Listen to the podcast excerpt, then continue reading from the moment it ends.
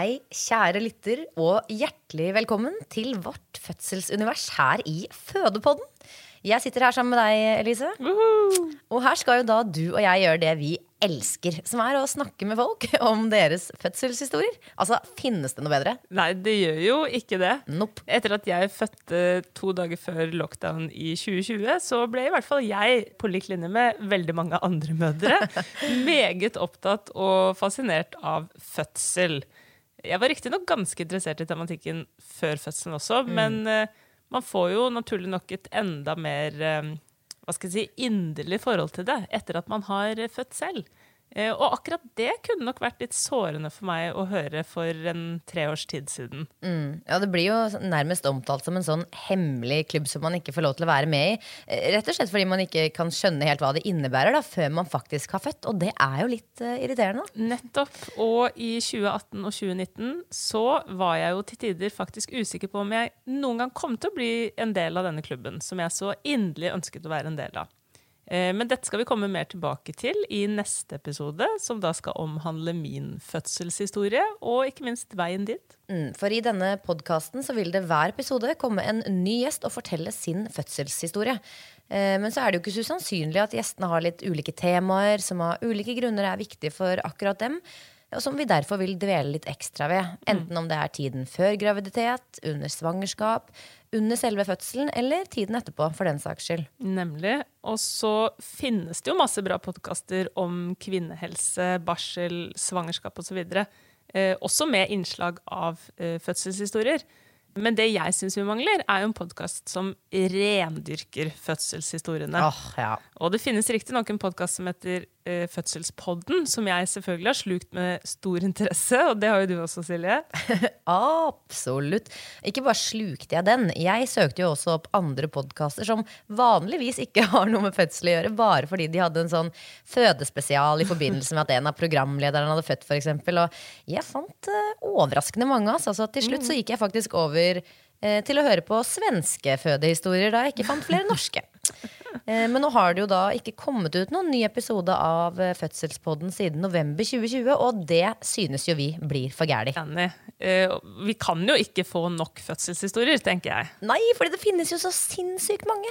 Og forskjellige. Altså, vi har jo både disse positive, fantastiske fødselshistoriene, som jeg for tiden føler at er veldig i vinden på sosiale medier for øvrig. Og så, og så har vi jo disse vanskelige og kanskje traumatiske historiene. Da. Eh, og sannsynligvis veldig mange med elementer av begge deler. Ja, og er det noe jeg forstår, og eh, kanskje gradvis blir mer og mer overbevist om, så er det jo verdien av eh, positive fødselshistorier.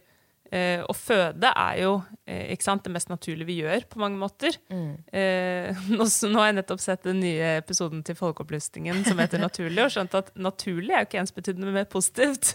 Men uansett, likevel så vokser vi da gjerne opp med fortellinger om at fødsel først og fremst er smertefullt, eh, det er noe som krever en haug med medisinske inngrep, og som til og med kan være ekstremt farlig. Og det kan jo også, for all del. Men jeg som psykolog, og som i tillegg forsker på smerte, eh, vet bl.a. hvor mye forventninger da, eh, påvirker smerteopplevelsen. For smerte er jo nettopp det, en opplevelse. Og det tror jeg mange ikke er klar over, at de tenker mer på det som noe objektivt. Da. Helt uh, riktig. Mm. Men, men smerten er aldri uavhengig av en rekke både psykiske og sosiale faktorer. Eh, som hvem vi har rundt oss, om vi føler oss trygge osv. Så, så hvilke forventninger vi har til fødsel, vil påvirke hvordan fødselen oppleves av den fødende. Og derfor er det en veldig god idé å bombardere hjernen med historier om positive og trygge fødsler. Men så er det jo også sånn, jeg mener det må være et stort men her, Eh, det blir feil og vanskelig, eh, mener jeg, å skulle forsvare en slags sensur av de vanskelige opplevelsene. Særlig når vi vet hvor mange som opplever fødsel eh, som vanskelig. da. Jeg tror mange lett kan bli skuffet hvis man ikke opplever fødselen sin utelukkende som noe fantastisk og empowering og som ga masse mestring. Hvis man bare har blitt fortalt hvor utrolig fantastisk det er. da. Dette skjedde i hvert fall med meg under min fødsel, og du kjente også på noe av det, Silje.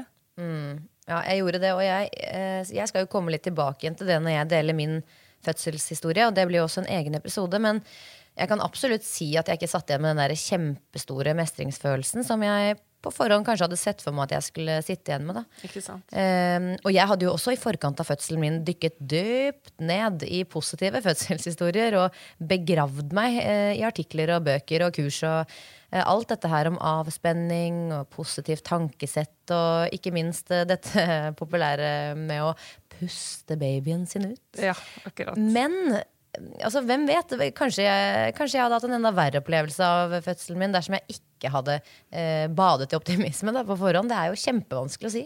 Ja, det er vanskelig å si. Eh, Jeg håper og tror i hvert fall at vi i denne podkasten skal klare å romme både det fantastiske og det som kan være vanskelig og tøft med å føde. Og, og for min egen del så tenker jeg at det finnes Uh, veldig mye fin eh, motivasjon og inspirasjon i de gode opplevelsene.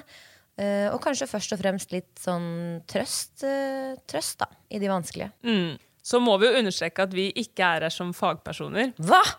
Ja, vi er, vi er verken jordmødre uh, eller gynekologer. Vi er bare veldig veldig interessert i fødsel. Jepp.